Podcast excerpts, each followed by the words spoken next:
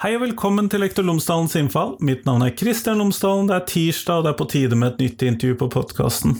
Denne gangen så snakker jeg med stortingsrepresentant Kent Gudmundsen, som representerer Høyre på Stortinget, og som sitter i utdanningskomiteen, vel, på Stortinget.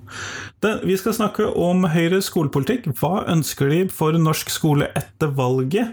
Og vi kommer inn på ulike aspekter ved det politi, poli, eh, de politiske partiene har mange ulike eh, punkter om skolepolitikk, og det ville nok blitt litt mye, men vi har gjort et lite utvalg av saker som vi snakker om. Det vil si, jeg har gjort et lite utvalg. Vi kan da ikke overlate sånt til politikerne.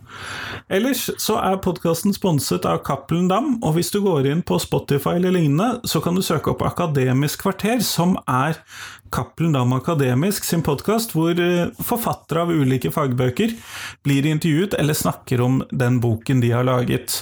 Noe av dette er skolerelatert, noe av det er ikke, noe av det er fagrelatert osv. Så videre. sånn at gå inn på der, så finner du Cappelen Dam Akademisk. Men hør denne podkasten først, da. Men her får du intervju med Kent, vær så god.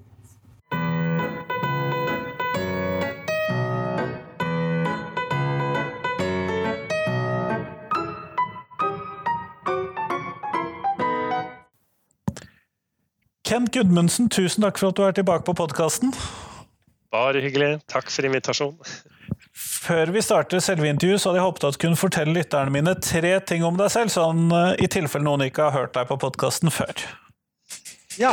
Um, jeg heter jo Kent Gudmundsen, da, ja, eh, og jeg er første nestleder i utdannings- og forskningskomiteen på Stortinget. Eh, det er min andre periode, så jeg har jo sittet ganske lenge i eh, utdanningskomiteen på Stortinget. Og før jeg havna der, så var jeg også fylkesråd for utdanning i Troms, og hadde vært det i fire år før det igjen være leder av utdanningskomiteen i fylket. Så utdanningspolitikk det ligger hjertet mitt veldig veldig nært.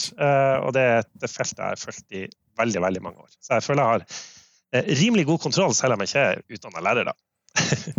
Nei, da har du holdt på med skole en god stund. Det må jeg jo bare si. ja, har det. Men, eh, og Grunnen til at jeg tar kontakt med deg i dag, er jo rett og slett fordi at det nærmer seg stortingsvalg. Vi skal gå inn i en ny periode. og Hva har det å si for norsk skole? Hva er det Høyre vil videre da med norsk skole, etter å ha sittet med makten nå i åtte år? Så hva, hva kan vi forvente oss i Skole-Norge for fire nye år, hvis dere får lov til å bestemme? Ja, eh, Det som har vært viktig for Høyre, det er jo at eh, flere fullfører og består eh, det som vi i dag kan se på som grunnopplæring, altså de 13 skoleårene med videregående. For noen så blir det jo 12 pluss to år i lære. og ja, Men vi sier 13 år, så vet vi hva vi, vi snakker Vi sier 13 år for å generalisere litt. Og og i det så, så, har vi jo et stort teppe av virkemidler. Og vi, uh, vi, må jo bare erkjenne at det å løfte norsk skole i bredden og i dybden er et ganske tidkrevende arbeid. og Derfor er det faktisk sånn at når man skal sette i gang med det arbeidet, så må man prioritere. Man er nødt til å ha et langsiktig perspektiv på det. Eh, så det å sitte i regjering over flere perioder er egentlig ganske viktig for å lykkes med eh, å gjennomføre hele den verktøykassa som man eh, har på en, på en god måte. Så du kan si at Det som jeg vil hevde er den største forskjellen mellom oss på borgerlig side eller ikke-sosialistisk side i norsk politikk, da, og det som i dag er opposisjon, det er vel hvilken vilje man har til å prioritere de store pengene på hvilke type tiltak og innhold. Eh, der vi ikke snakker om skolemat eller eh, midler til fysisk aktivitet eller gratis SFO for alle, eh, så gjør vi det i erkjennelsen av at dette er et tiltak som kommer til å koste flerfoldige med milliarder av kroner. Og vi vet at hvis vi skal ha en politikk som er helhetlig, der at Eh, du skal ha en god skolepolitikk, men så skal du også ha en god eh, næringspolitikk som gjør at du har et næringsliv som blomstrer, som gjør at du har bedrifter for å ta imot lærlingene, at du har eh, vekst i privat næringsliv som gjør at du får jobber der ute, sånn at når du er ferdig med skolen, så har du interessante jobber å gå til. Eh, så har det liksom vært viktig for Høyre da å eh, ha fokus på det viktigste i skolen, eh, dvs. Si lærerne, kunnskap, kvalitet, innhold. Men også selvfølgelig passe på at skolen er en god dannelsesarena som inkluderer alle, uavhengig av bakgrunn. Eh, så eh, kan jeg gå mer i detaljene på dette her når vi, skal diskutere hva som er Høyres løsninger. Men, liksom, i det store bildet så er det liksom det som jeg føler har vært konfliktlinjen. Ja, og det, det, er jo ikke alle disse tiltakene som dere har foreslått og gjennomført som har vært, hva skal vi kalle det, blitt like unisont tatt imot til nå, i hvert fall. Positivt, eh, verken positivt eller negativt, egentlig. Det har jo vært ganske blandet mottagelse av mange av disse tiltakene. Ja, så Du tenker kanskje på eh, at man stiller krav, eh, opptakskrav til lærerutdanninga, at vi har stilt kompetansekrav for alle lærere, også de som var ferdigutdanna. Ja, og vi har jo en massiv videreutdanningssatsing. Den har nok vært ganske positivt mottatt. Men, det tror jeg men, også. ja, ja, men, sånn, men, alt i alt da, så, så, kan vi si at ja, det er ikke alle tingene som har vært eh, enstemmighet rundt. Eh, men det tror jeg jo at eh, også hadde hatt sine nedsider. fordi det som vi opplever i norsk skolepolitikk, er jo at det kanskje ikke er så veldig mye konfliktfylte debatter. Det gjør jo at mediefokuset ofte heller ikke blir like sterkt på skolepolitikk. Det blir jo fort nå under pandemien og muntlig eksamen og andre ting som får oppmerksomhet, men eh, den store debatten om eh, grunnleggende ferdigheter, eh, tidlig innsats og hvordan man eh, gjør det, spesialundervisning sant, kompetansekrav for alle lærere i alle fag, ikke bare norsk, engelsk og matte. Um, altså det, det, er mange ting som, som, kunne vært verdt å diskutere. Uh, og sette opp mot f.eks.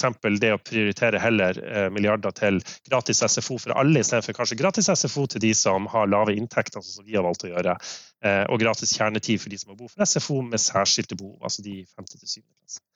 Um, så, eller f.eks.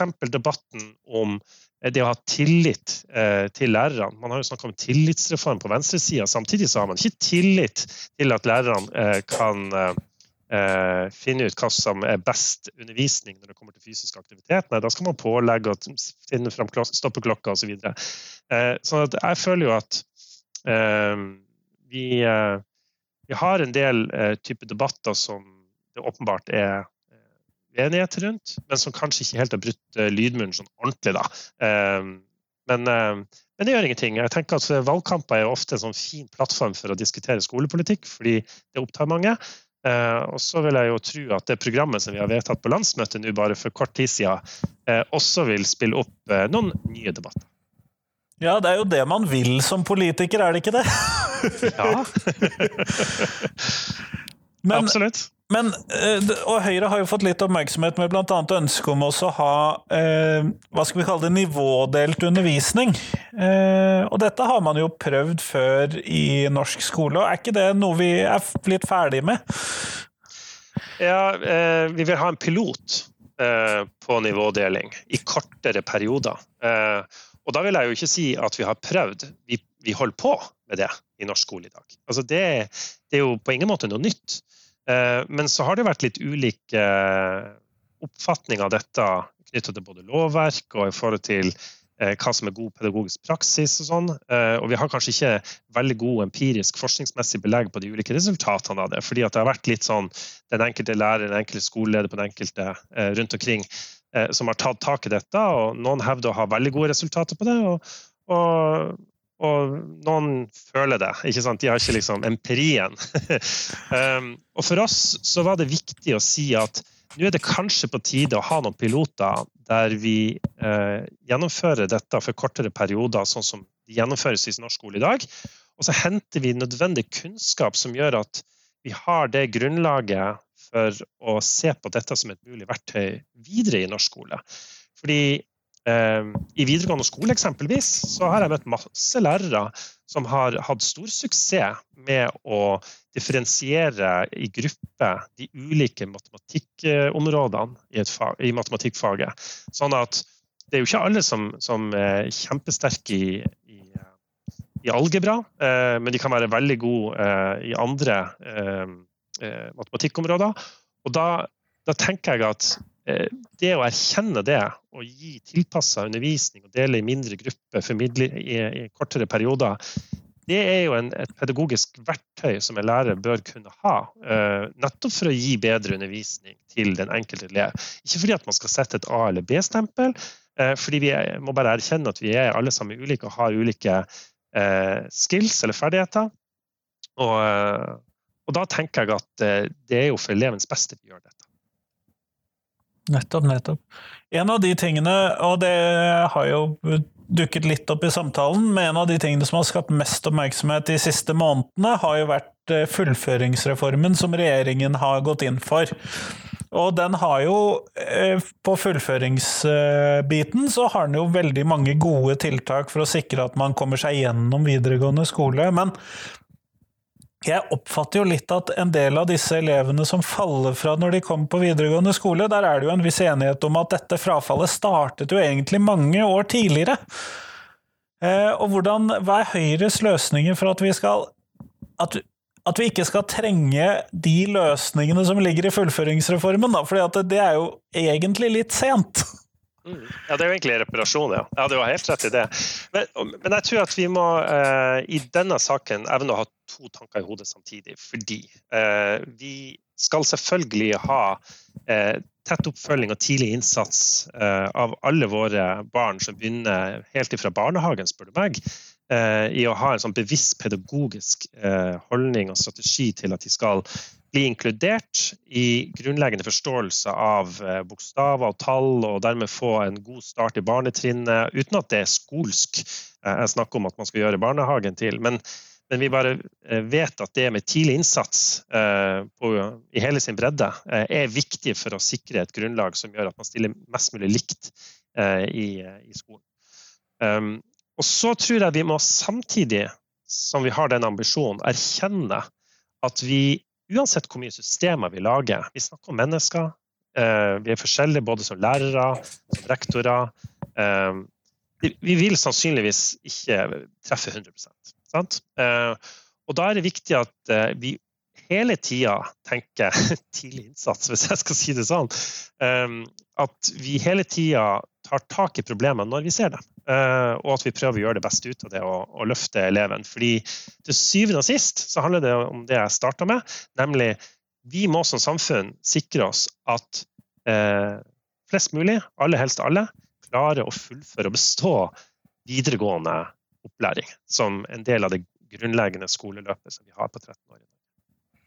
Ja, Dere har jo lagt som mål, til og med kvantifisert mål, at uh, antallet dere vil at skal fullføre videregående mer enn i dag. Og det er jo ambisiøst, syns jeg, i uh, partiprogrammet deres. Ja, men jeg mener at uh, vi som politikere vi må ha ambisjoner. Og jeg vil jo hevde at det å si at 90 skal fullføre videregående opplæring, ikke er eh, mer ambisiøs enn det må være. Eh, all den tid vi vet at det finnes en del elever som går videregående opplæring i dag, som har særskilt tilrettelegging og IOP-er og annet, eh, som gjør at eh, det å sette tallet på 90, det er ganske godt gjennomtenkt, altså. Eh, og det handler om at vi i praksis da sier at alle som har forutsetninger for det, skal ha en fullført videregående eh, grad og med grad var det kanskje litt sånn dårlig ord, men altså, vi har kompetansebevis, vi har eh, vitnemål. At man skal få vitnemål fra videregående skole? ja. At du skal ha et kompetansebevis som gjør at du kan bygge videre. sant? Eh, og det, det, er egentlig det det koker ned til. Eh, at du skal ikke få en, eh, møte en blindvei i livet. sant? Eh, vi må som eh, mennesker ha muligheter i livet. Det er sånn vi blir lykkelige og, og har selvtillit og sånn, tro på oss sjøl og har læringsglede og har lyst til å bidra. Det tror jeg er kjempeviktig. Og ja, da må man også ha et skolesystem som både motiverer og strekker seg til det, eh, og legger til rette for at ingen har denne blindveien. Jeg vil holde oss litt videre i ungdomsskolen. fordi jeg ser jo det at dere skriver at dere vil innføre obligatorisk yrkesfaglig valgfag. Eh, i ungdomsskolen. Eh, og, jeg har jo tidligere også sagt at jeg tror at ungdomsskolen er det mest teoretiske vi har, så jeg tror ikke dette er noe negativt. Men jeg er litt usikker på hva dere mener likevel. Ja, ok. Nei, altså vi har jo Aller først har vi jo sagt at vi skal ha en helhetlig ungdomsskolereform. Eh, og det er en av de større prosjektene vi har lyst til å ta tak i. Fordi ja, vi har snakka om eh, økt pedagognorm eh, til 50 og rammeplan for barnehager og kvalitet og innhold og satsing på, på tidlig innsats eh, hele veien inn i barnetrinnet. Men og så har du hatt ny giv fra de rød-grønne. Det har vært fulgt opp av en ny fullføringsreform for oss. Vi, vi, har fokus på videregående opplæring. Mens ungdomsskolen har egentlig ramla litt imellom alle disse eh, satsingsprosjektene man har hatt fra ulike politiske partier opp gjennom lang tid. Og Derfor er det liksom på tide nå å ha litt ekstra fokus på grep og tiltak inn mot ungdomsskolen.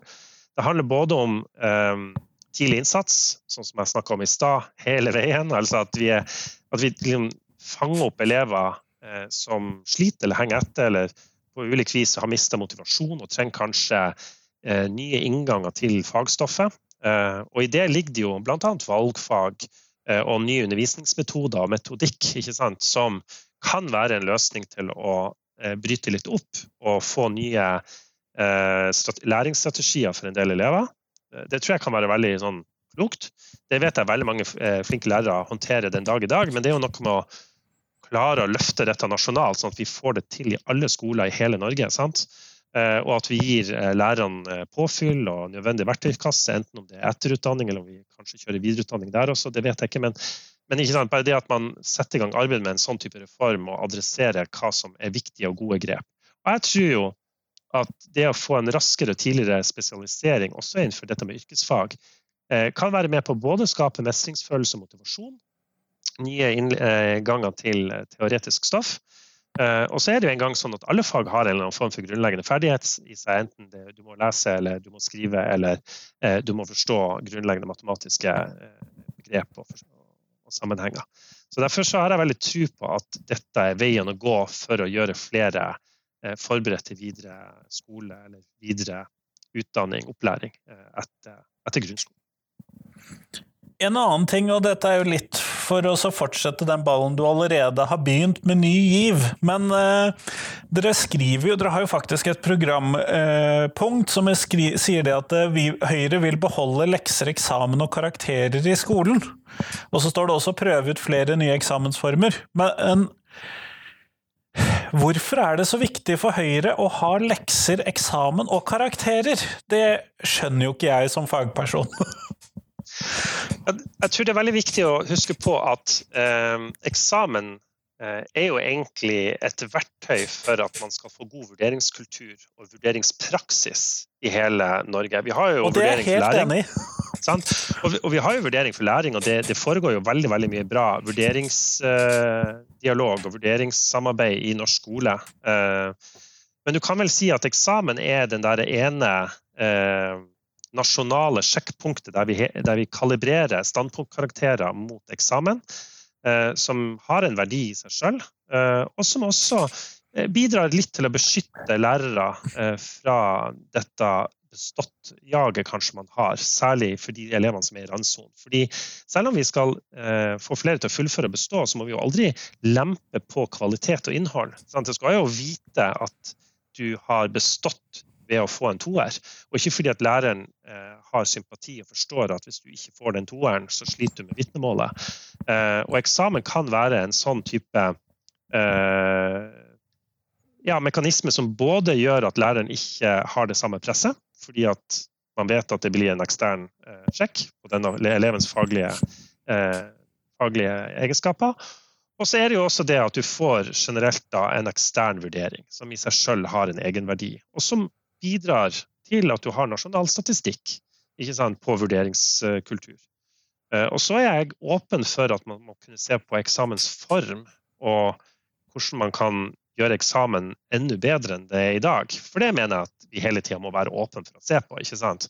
Eh, kan den bli mer praksisretta? Kan den være eh, innretta på andre måter? Ja, absolutt. Det er ingen problem. Men det viktige er at du på en måte ivareta det overordna, det prinsipielle ved eksamen. Men, og der var det jo en av disse problemene knyttet til Ny GIV. Du har jo truffet min kone eh, den gangen du var i Bergen, og hun var jo Ny GIV-lærer. Og der jobbet de jo hardt med å få disse eh, elevene opp på toeren, da, som de ofte var, og få dem opp på et funksjonelt matematikknivå. Tror jeg var begrepet som eh, jeg har hørt ringe noen ganger i hodet når hun har snakket om dette. Og da men de måtte jo likevel ta den samme matematikkeksamen som alle de andre elevene. Noe som jeg tror var veldig demotiverende for disse elevene, som da f.eks. var med på Ny GIV.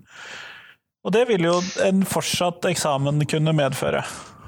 Eh, både ja og nei. fordi Hvis vi snakker om eh, den som er på VG1, så er jo den lokalgitt. Eh, og jeg vet jo at vi har jo noen altså, Hvis vi spoler litt tilbake til det jeg sa i stad, det var jo viktig at eksamen, eller ja, at du hadde en, en standard på dette. Det, at du ikke lempa på, på kvalitetskravene. Sånn at selv om ja, du skal gjennom målretta eh, tett oppfølging, tilrettelegging, sommerskole. Eh, alt mulig som må til for at du skal ja, sikre elevene eh, et, et, godt sett av grunnleggende ferdigheter på, på matematikken.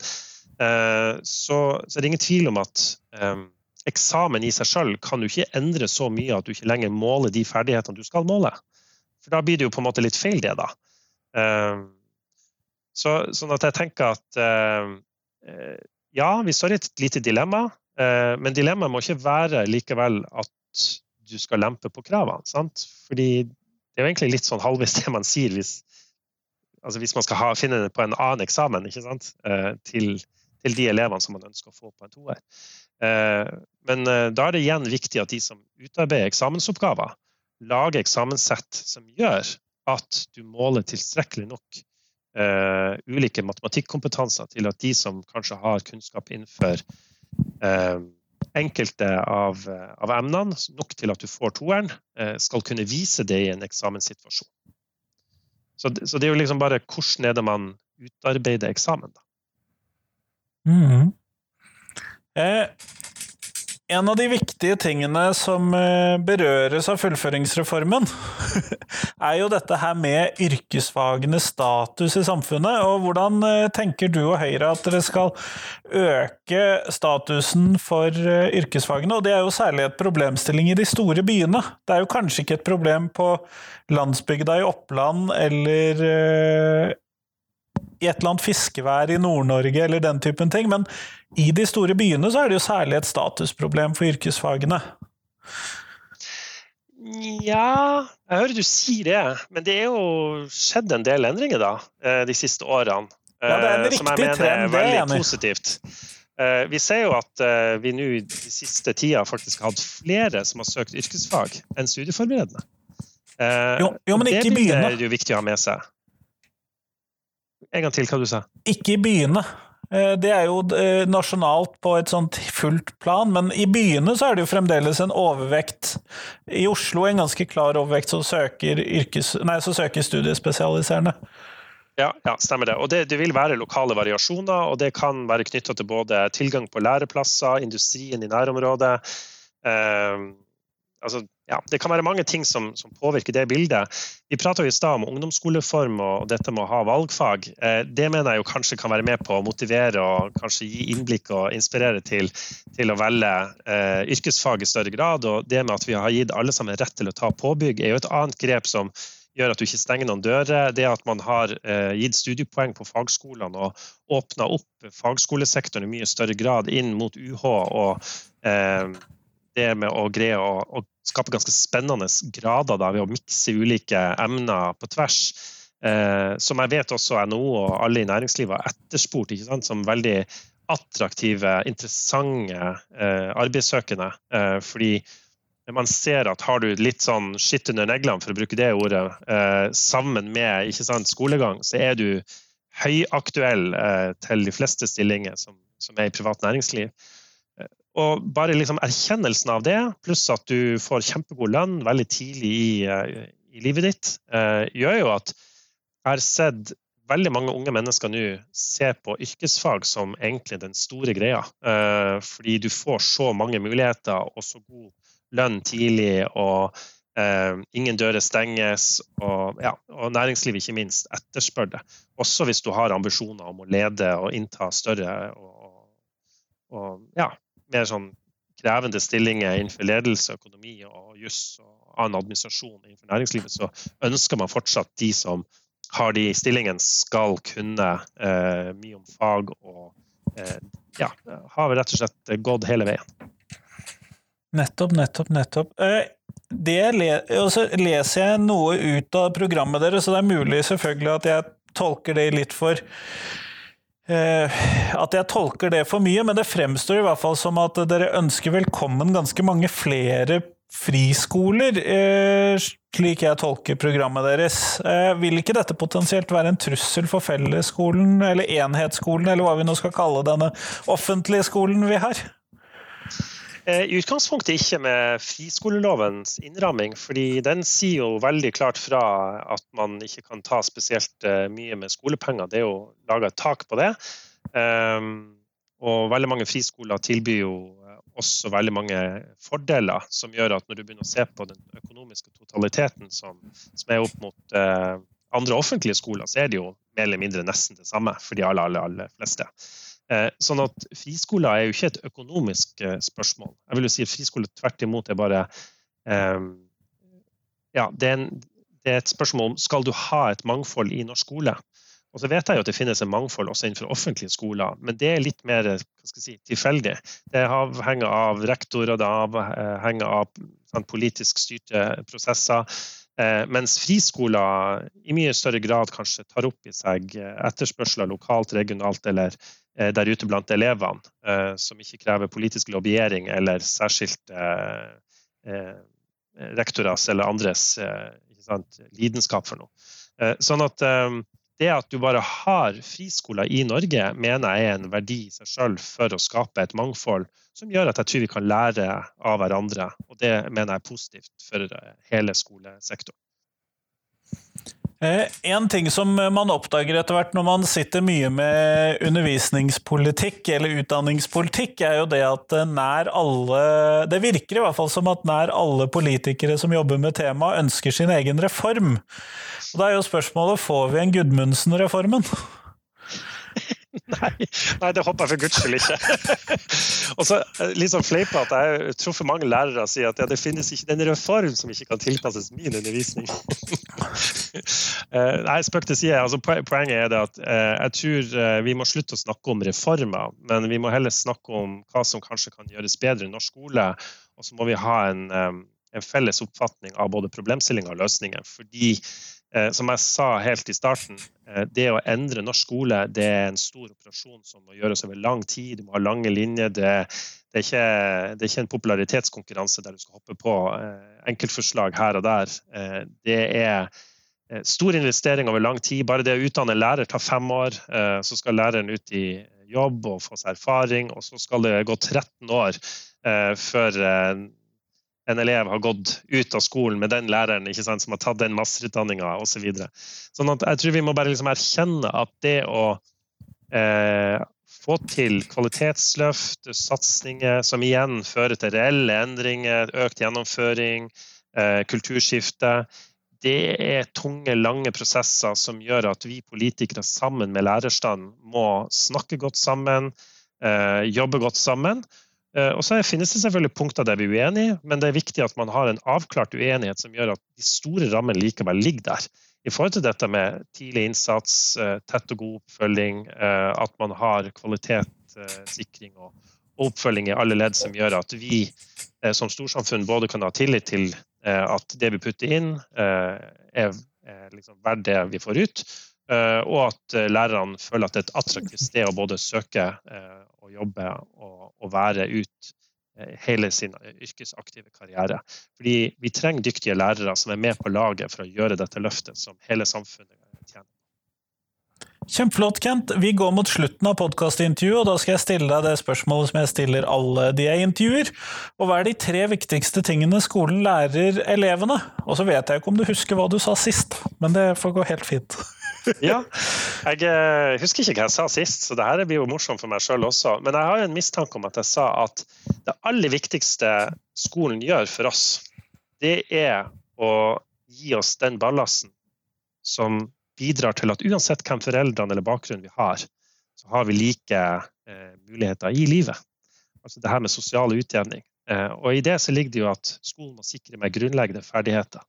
Eh, jeg må kunne lese, jeg må kunne skrive, jeg må kunne regne såpass godt at jeg kan ta videre utdanning senere etter hvert som jeg blir eldre og tar eh, egne selvstendige valg. Så mens jeg er ung, eh, så må vi sikre oss at vi har en skole som virkelig gir meg som individ de mulighetene.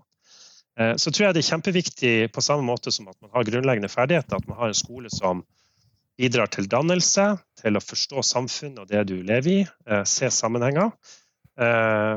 Så tidlig innsats er jo på mange måter også det at du skal sikre gode borgere. Og så tror jeg det er veldig viktig at skolen har et trygt og godt opplæringsmiljø. Det er en av de viktigste tingene vi kan, kan bidra med. fordi hvis du tidlig i et utdanningsløp blir mobba eller på annet vis ikke føler mestring og sant, sliter med læringsglede, så tror jeg det vil smitte over på ens personlighet, ens selvtillit og ens mulighet videre i livet til å søke utfordringer og eh, vokse som person. Så det å gi eh, selvtillit til den enkelte, eh, det å gi mestringsfølelse og læringsglede, det er så ufattelig viktig. For i sum, da, hvis vi lykkes med de tre tingene, både å utdanne, danne og gi gode eh, borgere med høy selvtillit eh, for seg og sitt, ja, da tror jeg vi også som nasjon kommer til å stå sterkt i enhver utfordring som vi kaster på oss uh, inn i ei veldig ukjent fremtid. Kjempeflott. Tusen takk for at du tok deg tid til meg i dag, Kent.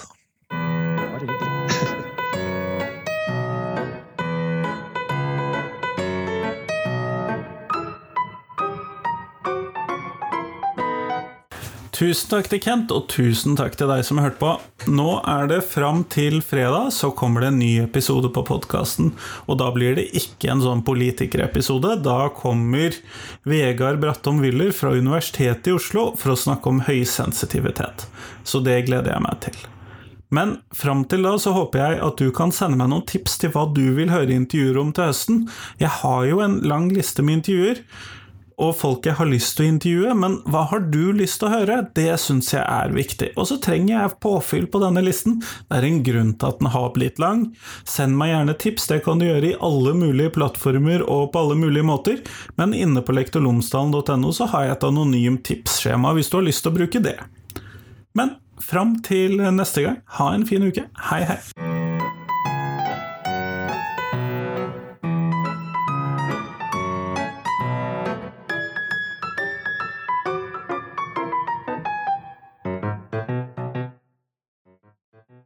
Husk at eh, jeg trenger tips om hvem som jeg kan ha med på podkasten. Det hjelper utrolig mye. Vi høres!